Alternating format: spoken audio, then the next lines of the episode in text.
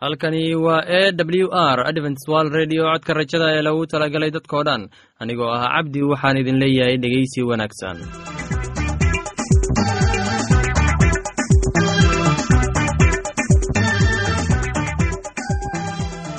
barnaamijyadeena maanta waa laba qaybood. Qaybta kuwaad waxaad ku maqli doontaan barnaamijka nolosha qoyska. Kadib waxaa inoo raaci doonaa cashar inaga yimid bugga nolosha ee dhegeysi wacan. Dhegeystayaasheenna qiimaha iyo qadarinta mudano waxaan filayaa inaad si habboon u dhegeysan doontaan. Haddaba haddii aad qabto wax su'aal ama talo iyo tusaale oo ku saabsan barnaamijyadeena maanta fadlan inala soo xiriir. Dib ayaynu kaga sheegi doonaa ciwaanka yagu balse intaynan u guuda gelin barnaamijyadeena xiisaa leh. Waxaad marka hore ku soo dhowaataan heestan daabacsan filayaa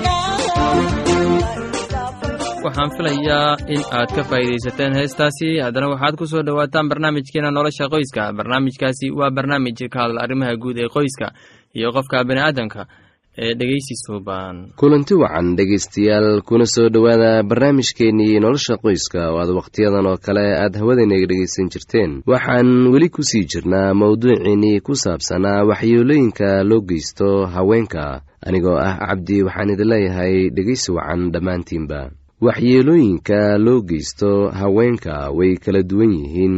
Hadday tahay xag jir ahaaneed iyo hadday tahay xag maskaxeedba.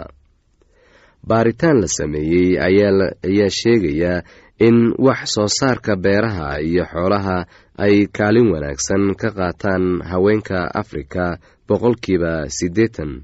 Wax soo saarka beeraha qaaradda afrika haweenka ayaa soo saara.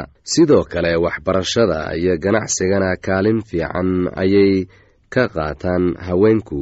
Haddaan u soo noqonno dalkeenna haweenka kaalin wanaagsan ayay kaga jiraan wax soo saarka dhaqaalaha sida beeraha xoolaha iyo ganacsigaba waxaa intaa u sii dheer haweenka hawsha guriga iyo barbaarinta carruurta ragga marka loo barbardhigo waxqabadka haweenka aad bay u kala fog yihiin. Haddaba haddii ay haweenku ka shaqo badan yihiin ragga isla markaana uu raggu ku xadgudbayo haweenka waa arrin aad u daran. Matalan dalka soomaaliya oo ah dal burburay waxaan wada ognahay in rag badani aysan wax camal ah hayn oo wakhtiyadooda ku dhammeeya meelaha fadhi ku-dirarka ah ama geedaha hoostooda shax ku ciyaara halka ay haweenku ay ka shaqaynayaan ayagoon howl kala duwan haya sida shaahkarinta ama maqaayadaha oo ay cunto ku iibiyaan.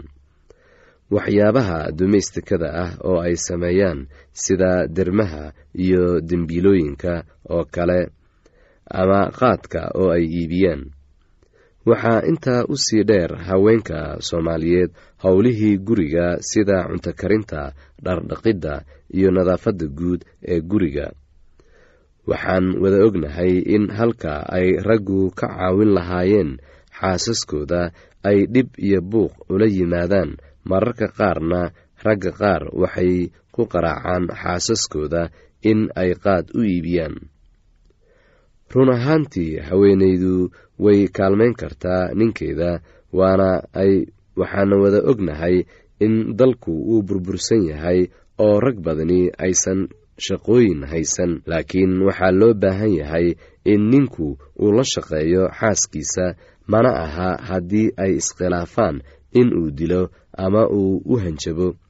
Laakiin waxaa loo baahan yahay in uu si habboon wax ugu sheego kana dhaadhiciyo waxa uu u baahan yahay. Waxaan ognahay in hooyadu ay kaga kurbo badan tahay ninka guriga iyo carruurtaba haddaba waxaa lagama maarmaan ah in indheergaratada ay bulshada inteeda kale ay ka dhaadhiciyaan dhowrista xuquuqda haweenka waana in loo sheego maamulada ka jira dalka xadgudubka loo geysto haweenka hadday tahay mid jirdil ah iyo mid kaleba ama kufsi ama si xun oo loogu shaqeeyo haweenka.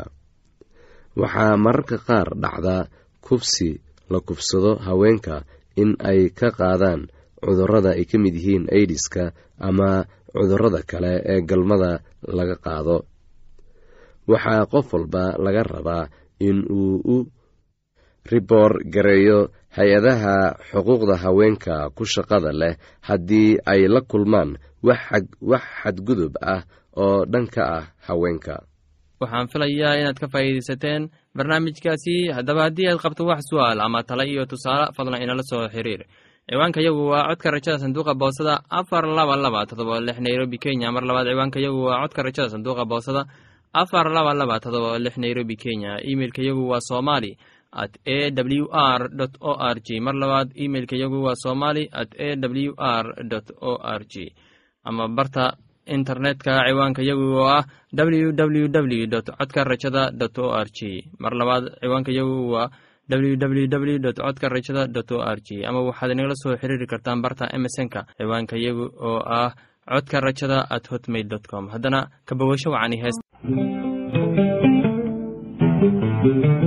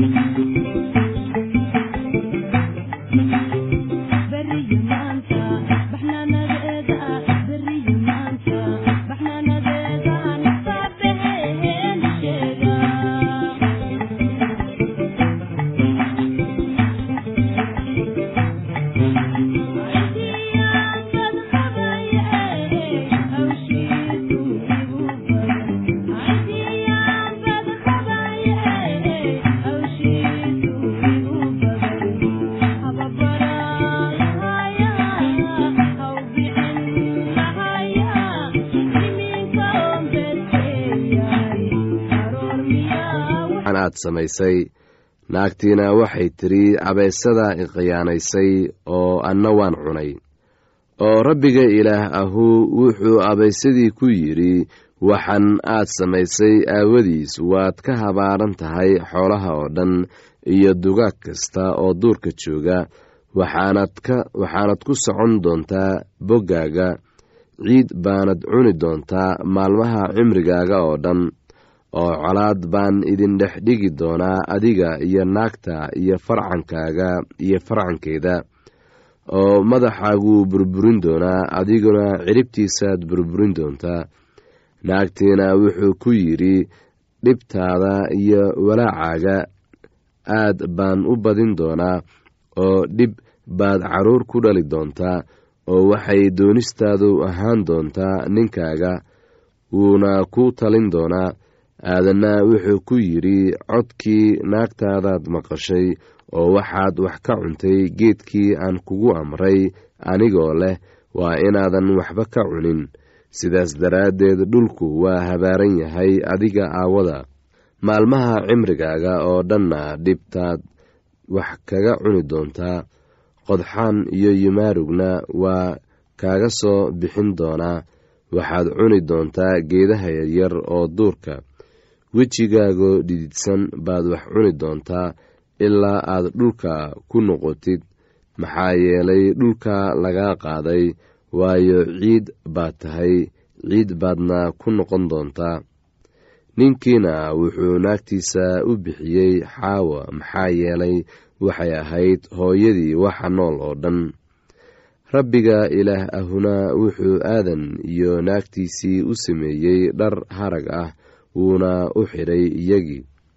Oo rabbiga ilaah ahuna wuxuu yidhi ninku wuxuu noqon doonaa sidii mid innaga inaga mid ah isagoo garanaya wanaagga iyo xumaanta. Oo haatan waaba intaasoo uu gacantiisa soo fidiyaa oo uu wax ka qaataa geedka nolosha oo uu cunaa oo uu weligiis noolaadaa sidaas daraaddeed ilaah isaga wuu ka saaray beer ceedan si uu u beerto dhulka isaga laga soo qaaday. Kolkaasuu ninkii eriyey beer ceedan barigeedana wuxuu taagay karebiim iyo seef ololaysa oo dhan walba u jeesanaysa si ay u dhowrto jidka geedka nolosha. Ninkiina naagtiisa xaawo ahayd buu u tegey wayna uuraysatay oo qaabiil bay dhashay oo waxay tidhi wiil baan ku helay rabbiga caawimaaddiisa. Dabadeedna waxay dhashay walaalkiis haabiil haabiilna wuxuu ahaa arijir laakiin qaabiil wuxuu ahaa beerfale. Maalmo dabadeed waxay noqotay in qaabiil qurbaan ahaan rabbiga ugu keenay midhihii dhulka haabiilna wuxuu wax ugu keenay curudyadii arigiisa iyo baruurtoodiiba. Rabbiguna wuu eegay haabiil iyo qurbaankiisii laakiinse qaabiil iyo qurbaankiisii rabbiga ma uu eegin. Qaabiilna aad buu u cadhooday wejigiisana wuu madoobaaday. Oo rabbigu wuxuu ku yidhi qaabiil maxaad u cadhoonaysaa maxaase wejigaagu u madoobaaday haddaad wax wanaagsan samaysid sow laguma aqbaleen. Haddaadan wax wanaagsan samaynse dembi ilinkuu kuugu gabbanayaa doonistiisuna aday noqon doontaa. Adigu waa inaad xukuntid isaga. Qaabiilna wuxuu ku yidhi walaalkiis habiil inakeen aynu duurka tagne waxaana dhacday markii ay duurka joogeen in qaabiil walaalkiis habiil ku kacay oo dilay isagii.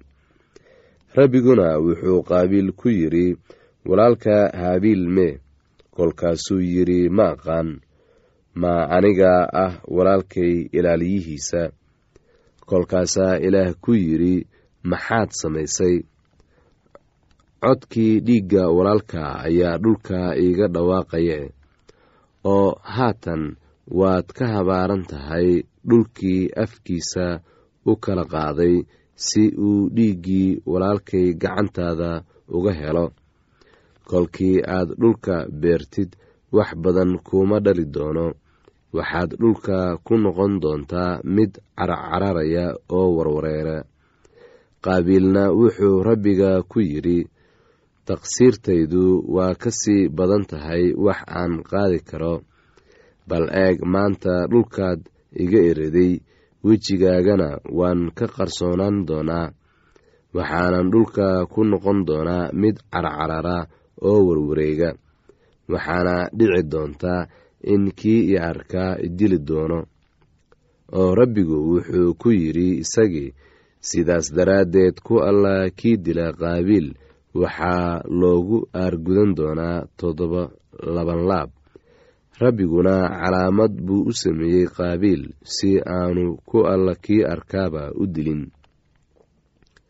Qaabiilna rabbiga hortiisuu ka tegey oo wuxuu degay dalkii la odhan jiray nood oo xagga bari oo ceedan ku yiil qaabiilna naagtiisuu u tegey wayna uuraysatay oo waxay dhashay enoog wuxuuna wuuna dishay magaalo oo magaaladiina wuxuu ku magacaabay magicii wiilkiisii enoog enoogna waxaa u dhashay ciiraad ciiraadna waxa uu dhalay muxyeel muxyeelna wuxuu dhalay mutusheel mutusheelna wuxuu dhalay laamig laamigna wuxuu guursaday laba naagood mid magaceedu wuxuu ahaa caadaah tan kalena magaceedu wuxuu ahaa siilah caadahna waxay dhashay yaabaal isna wuxuu ahaa aabbihii kuwa teendhooyinka deggan oo xoolaha leh.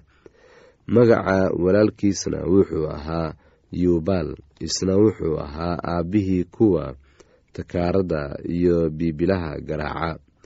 Silahna waxay dhashay tuubaqayl oo ahaa nin tumi jiray alaabtii naxaasta iyo birta ahayd oo dhan. Tubal yaqiin walaashiisna waxay ahayd nacma. Lakeemna wuxuu naagtiisii ku yidhi caadaah iyo silahay codkayga maqla. Laameg naagihiisow hadalkayga dhegaysta.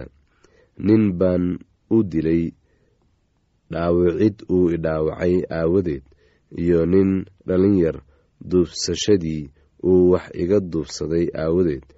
Haddii qaabiil toddoba labanlaab looga aargudan lahaa runtii laameeg waa in toddoba iyo toddobaatan labanlaabkood looga aargutaa. Heestaasi iyo casharka buugga nolosha ayaanu ku soo gabgabayneynaa barnaamijyadeena maanta. Halkaad inaga dhegeysanaysaan waa laanta afka soomaaliga ee codka rajada ee lagu talagalay dadka oo dhan haddaba haddii aad doonayso inaad wax ka faa'iidaysataan barnaamijyadeena sida barnaamijka caafimaadka barnaamijka nolosha qoyska iyo barnaamijka kitaabka quduuska fadlan inala soo xiriir. Ciwaanka yagu waa codka rajada sanduuqa boosada afar laba laba todoba lix nairobi kenya. Mar labaad ciwaanka yagu waa codka rajada sanduuqa boosada afar laba laba todoba lix nairobi kenya. Emeilka yagu waa somali at a w r o r g. Mar labaad imeilka waa somali at a w r o r g. Ama emesonka oo ah codka rajada at hotmail dot com. Mar labaad emesonka yagu waa codka rajada at hotmail dot com. Ama barta internetka ayaad ka akhrisan kartaan barnaamijyadeena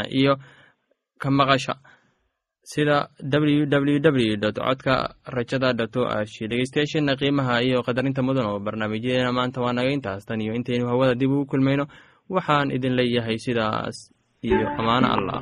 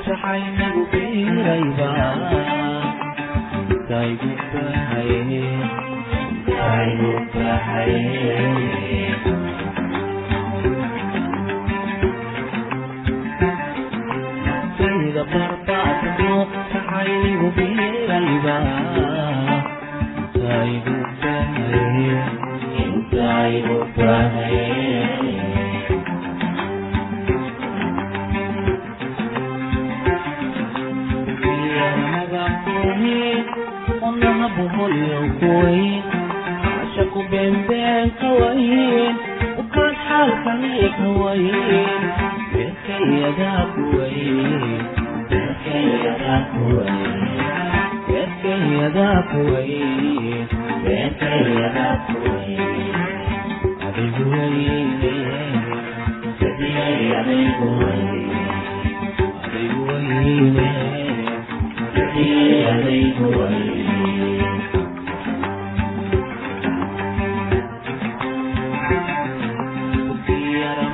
وين ونلعبه اليوم وين عشق بمديك وين وكان حالك عليك وين تحكي يداك وين تحكي يداك وين تحكي يداك وين تحكي يداك وين Thank